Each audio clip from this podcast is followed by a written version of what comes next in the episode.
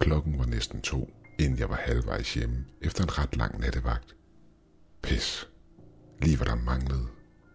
Hvad har jeg gjort for at fortjene det her, råbte jeg for mig selv. I det alle lamperne i instrumentbrættet begyndte at lyse op som et juletræ, og motoren begyndte at lave lyde, en motor ikke burde lave. Kort tid efter begyndte den at ryge, hvilket en motor på ingen måde burde gøre. Men det lykkedes mig at finde en mekaniker tæt nok på, inden bilen fuldstændig stod af. Så hvor lang tid kommer det til at tage, spurgte jeg mekanikeren, der mest af alt lignede en bunderøv omkring de 50 år med et gråt langt skæg. Han fortsatte med at snakke om bilting, som jeg ikke forstod et ord af, imens han kløede sig i røven og endelig svarede. Det kommer ikke til at tage lang tid. Okay, men hvor lang tid tror du sådan cirka, spurgte jeg. Omkring 10 timer, svarede han, inden han spyttede noget snus ud på jorden foran sig. Jeg forudbetalte reparationerne med et suk. Nyd mammon vil, sagde han med et smil på læben, inden han tog pengene ud af hånden på mig. Jeg tænkte for mig selv, at jeg ville prøve at finde et sted at spise, i det jeg havde mistet aftensmaden fra i går, og morgenmaden var lige op over. Byen lå stort set i midten af ingenting. Det var den type byer, man tit kører igennem, men aldrig stopper i. Til al held fandt jeg en diner, der faktisk var god. Takket være min forholdsvis store morgenmad, plus lidt dessert, lykkedes det mig at slå tre timer ihjel, samt måske en times tid, som jeg brugte på at spille på telefonen, inden jeg betalte for maden og forlod dineren. På vej tilbage mod mekanikeren stødte jeg på en let underlig bygning. Det lignede et lille skur, der lå et stykke væk fra resten af bygningerne i byen. Det var meningen, at jeg blot ville gå forbi det, men det var lige indtil jeg så skiltet i vinduet. Billig antik og nostalgi til salg. Det var underligt, tænkte jeg for mig selv. Jeg har aldrig hørt om nogen, der solgte nostalgi. Jeg gik ud fra, at skiltet mente, at de solgte nostalgiske ting. Og da både min kone og jeg er til nostalgi, besluttede jeg mig for at gå indenfor og tjekke stedet ud. Jeg gik indenfor og forventede et lille rodet butiksrum fyldt med skrammel. Men no, ikke den her butik. Denne bygning virkede åbenbart lidt ligesom en tardis. Større indeni og meget renere. Det føltes som om min hjerne måtte reboote sig selv i et forsøg på at forstå, hvad det var, jeg så. Jeg prøvede at finde en rationel og logisk forklaring på, hvad det var, jeg så. Men der var ingen. Stedet var bare større indvendigt. Faktisk så det ud til at fortsætte i en uendelighed. Gulvet var blåt med et ottekantet mønster. Væggene mindede mest af alt om et græsk palads, og i midten af det hele stod en lang hylde. I det jeg prøvede at tage min omgivelser ind, bragte en mand stemme mig tilbage til virkeligheden. Eller måske er det ikke det rigtige ord for det. Velkommen til jer. Hvordan har vi det i aften? Hans stemme var fornem i forhold til de andre folk, jeg havde mødt i byen. Lidt ligesom når en rig fyr føler sig forpligtet til at tale klassisk. Jeg vendte mig om og så en bleg mand med sort hår gedeskæg, der stod bag hvad der lignede en uendelig skanke. Foran ham lå en bog med navne og købsdatoer, der så ud til at datere tilbage til 1500-tallet. Manden var klædt som et bartender, du typisk ser i de gamle westernfilm. Han bar en hvid skjorte, sort vest og en rød butterfly. Hvad? Hvordan? Det her sted? Hvor er vi? plaprede jeg forvirret ud, inden han afbrød mig. I en antik forretning, som skiltet siger, svarede han. Og som du kan se, er jeg noget af en samler. Jeg havde brug for et sted, hvor jeg kunne have alle de ting, jeg sælger. Og det her sted er perfekt. Du er mere end velkommen til at browse hylderne igennem, efter hvad dit hjerte måtte begære. Så det gjorde jeg, imens jeg prøvede at ignorere hele det uendelige rum. Jeg bevægede mig ned langs den uendelige hylde. Der var ting, der burde blive solgt på auktioner for millionærer. Der var rifler og pistoler fra den amerikanske revolution. Samurajsvær. mesterlig smede rustninger. Personlige journaler fra historiske figurer, såsom Nikola Tesla og hver en præsident i historien. Både for USA, men også for resten af verden. Men det, der slog benene væk under mig og gjorde det hele autentisk for mig, var smykkerne. Ser du, jeg har været juveler i over 10 år, og har specialiseret mig i at dokumentere smykkers autenticitet. Med andre ord, det er mit job at se forskel på rigtige og falske smykker. Og hvis disse ting var virkelige, så var det de bedste forfalskninger, jeg nogensinde havde set. Og som skiltet lovede, så var det billigt. Priserne lå på 2-3 dollars. Men ved siden af hvert dollartegn var et andet symbol. Et Y med et lille E i. Jeg gik ud fra, at det blot var en anden møntform fra et andet land, men undrede mig en smule over, at der ikke var andre symboler fra andre lande end Amerika på det her ukendte sted. Min grådighed fik buk med mig, og jeg greb omkring 10 ting fra stenalderen og jernalderen, for det store og vilde beløb af 13 dollars. Men i min shopping spree lagde jeg mærke til, at der intet var for 2. verdenskrig, og slet intet for min ungdom. Butiksindehaveren må have læst mine tanker, for i det sekund tanken faldt mig ind, hørte jeg hans stemme bag mig. Er der noget, jeg kan hjælpe herren med? Jeg sprang fra skrækket tilbage, i det mit hjerte sprang op i halsen. Øhm, ja. Har du noget mere nyligt, som i fra 80'erne og 90'erne? Skiltet udenfor sagde nostalgi. Men alt det her, det er gammelt. Alt imens jeg prøvede at ignorere, at han lige havde hudinet sig over til mig. Jeg kunne se et stort smil brede sig på hans ansigt. Var det ikke en smule for bredt? Ah, herren leder efter noget mere personligt. Det vil være at finde i det andet rum. Det er denne vej her. Han strakte armen ud over mod skranken. I det vi gik over mod skranken, gik det op for mig, at der var en dør ved siden af indgangen, som jeg totalt havde overset. I det vi passerede skranken, stoppede han op og vendte sig imod mig. Ønsker herren at betale for tingene nu, eller skal vi lade dem ligge her ved skranken, så de ikke skal slippe med rundt, spurgte han venligt, imens han pegede ned på tingene i min favn. Jeg trak på skuldrene og lagde dem på disken. Han stoppede min pose, og efterlod posen på skranken, til når jeg var klar til at forlade butikken. Imens insisterede han på at afslutte vores handel med et håndtryk, inden vi trådte ind i baglokalet. Selvom vores forretning ikke var slut endnu. Rummet, jeg trådte ind i, havde ingen hylder, men en stor platform, der var oplyst af en række LED-lys. Hvor er tingene, spurgte jeg nervøs, i det jeg troede, han havde bragt mig herind for at slagte mig eller noget den stil. Han rystede på hovedet og klikkede med tungen. Der er ingen personlige ting herinde her. Det jeg tilbyder dig er endnu bedre. Han slog en kontakt til, som sænkede platformen ned til gulvhøjde. Jeg kan tilbyde dig en chance for at genopleve nogle af dine mest dyrebare minder, som var det første gang, du oplevede dem. Jeg løftede øjenbrynene og lagde armen over kors. Virkelig? Og hvad mener du med det, spurgte jeg.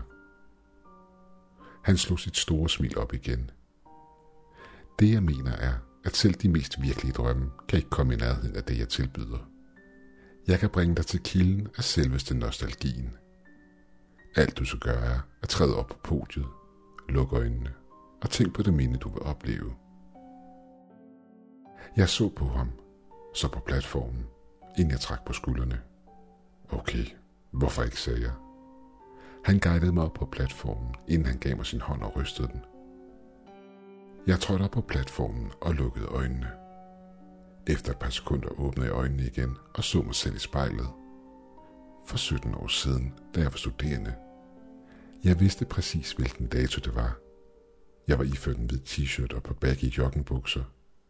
Ved siden af mig sad min roommate og spillede på vores lille tv, imens han spurgte mig, om jeg var klar til Bennys fest. Den selv samme fest, hvor jeg havde mødt min kone. Det var en underlig følelse. Jeg tror ikke rigtigt, jeg kan beskrive det. Jeg vidste, at det var fortiden. Men på samme tid vidste jeg ikke, at jeg genoplevede mit liv. Jeg kunne bevæge mig frit, men på samme tid ikke. Hvis jeg prøvede at fortælle nogen om fremtiden, blev jeg glemsom og bevægede mig hurtigt væk fra emnet. Det var som man havde fortalt det. Det var bedre, end nogen drøm kunne komme i nærheden af. Natten gik perfekt, og jeg nød en vild fest for min ungdom. Men mest af alt var følelsen af at møde Stephanie for første gang det bedste.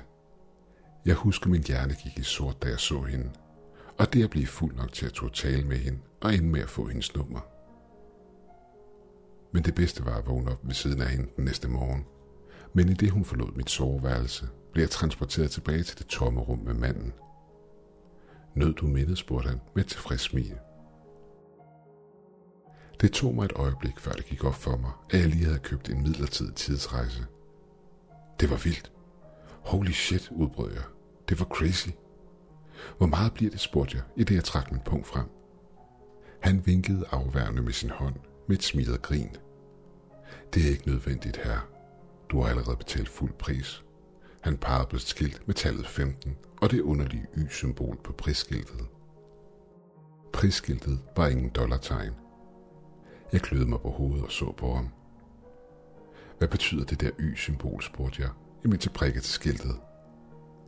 Hans svar fik det til at løbe koldt ned ryggen på mig. Hans grin blev bredere. Meget bredere. Det betyder år, herr Talbot, svarede han. Jeg stirrede på ham i chok. Hvordan? Hvor kender du mit navn fra?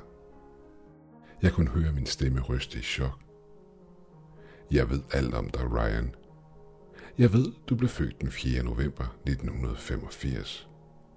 Jeg ved, at du næsten døde af nedsat kropsvarme som 8-årig, da du prøvede at fange julemanden. Jeg ved, du har tvillinger, Samuel og Samantha. Forresten søde børn. Skal jeg fortsætte, spurgte han, imens han lagde sin arm over kors. Jeg prøvede ihærdigt på at registrere, at den her mand, jeg aldrig havde set før, vidste alt omkring mig og mit liv. Jeg var så forvirret, at jeg næsten glemte den første del af hans svar. Hvad mener du med år, spurgte jeg forsigtigt. Han slog hovedet tilbage og lå. Er det ikke åbenlyst? Du er betalt for at opleve et af dine dyrebareste minder i bytte for mulige minder i fremtiden. Betyder det, at... Ja, Ryan. Du har givet mig 15 år af dit liv. Plus de 13 år, du brugte tidligere. Så i alt 28 år af dit liv, svarede han smilende. Men, men jeg gav dig penge for de ting, der ligger ude på skranken, råbte jeg højlydt, nærmest bedende. Han klikkede med tungen og smilede igen til mig. Tænk på det som en donation. Du vil trods alt nok højst sandsynligt sælge nogle af dem til en god portion penge. Så hvad betyder 13 dollars? Jeg kunne mærke min vrede boble op i mig og smelte min frosne tilstand væk. Jeg løb imod ham. Du narrede mig, dit svin, råbte jeg, imens jeg slog ud efter ham. Men alt jeg ramte var tom luft. Narrede dig, hørte jeg hans stemme sige bag mig. Hans stemme var anderledes. Dybere end noget menneske kunne præstere. Jeg vendte mig rundt og så et par gedelignende ben med guldbelagte hove. Jeg så op og så noget, der lignede en halv ged, halv troldelignende væsen med en mørkerød hud og et ulvelignende hoved. Du kom frivilligt ind i butikken. Gjorde du ikke, væksede han, i det han greb mit hår og trak sig ind til mig, så vi nu stod ansigt til ansigt. Du havde rig mulighed for at spørge ind til, hvad prisen på tingene var. Spurgte du ind til prisen på mindet? Nej, du lod din grådighed guide dig, og nu har du betalt prisen for det. Men tag nu dine ting og forlad butikken, eller shop lidt videre, sagde han hundligt. Bare husk, at vi giver hånd på handlen, når du er færdig. Han afsluttede med en latter, inden han slap taget mit hår. Min krop ramte gulvet som en sæksten, hvilket fik mig til at slå hovedet mod gulvet og gjorde mig en smule omtoget. Jeg tog ikke diskutere med den her skabning, hvad end han så var. Men jeg havde dog et spørgsmål. Er du djævlen, spurgte jeg. Jeg var skræmt for videre sans over det væsen, jeg så foran mig. Han slog sig på knæet og lå. Hvis jeg havde en dollar for hver gang, jeg havde hørt det spørgsmål. Nej, den gamle har ikke brug for sådan noget. Og det er jeg heller ikke. Men der er noget sjovt og fascinerende ved at fuck med menneskets sind. Men ønsker du virkelig at fortsætte den her samtale? Han prikker på sit solide gulur, der sad omkring hans håndled. Jeg kunne ikke sige noget. Jeg stirrede bare på ham i chok. Efter et minut sukkede han og sagde, okay, inden han knipsede med fingrene, og alt blev sort. Jeg vågnede pludselig op i min bil, der var repareret, og nu stod foran mekanikeren, knap nok en time efter jeg havde afleveret den. Jeg prøvede at overbevise mig selv om, at det hele blot havde været en drøm. Men da jeg kiggede på passagersædet og så posen med ting fra butikken, vidste jeg ikke, hvordan jeg skulle reagere. Så jeg kørte hjem i komplet stillhed, imens begivenhederne kørte i lup i mit sind. Da jeg kom hjem, blev jeg mødt af familien. Jeg prøvede desperat på at holde facaden, men at se dem, man elsker, lige efter man har opgivet 28 år sit liv, sårede mig dybt. Jeg er sikker på, at de så det i mit ansigt, i det børnene gav mig et forvirret blik, og min kone spurgte, om alt var okay. Jeg sagde blot, at det havde været en lang nat, og jeg var glad for at være hjemme. Som han forudsagde, så solgte jeg de fleste af tingene og hævde en mindre formue hjem på dem. De penge har jeg sat til side til børnene, til den dag jeg ikke er her mere. Der er nu gået 14 år siden den morgen. I går fik jeg et opkald fra hospitalet, der fortalte mig, at mine testresultater var kommet ind, efter jeg havde haft et voldsomt astmaanfald et par uger tidligere. De fortalte mig, at jeg havde lungekræft, og der intet var at gøre. De gav mig tre år at leve i. Jeg overvejer at tage tilbage til Mammonville, bare for at se, om butikken stadig er der. Og hvis den er der, well, jeg har allerede modtaget min dødsdom, så hvad betyder et par år fra eller til? Bare så jeg kan give mine børn en sidste gave.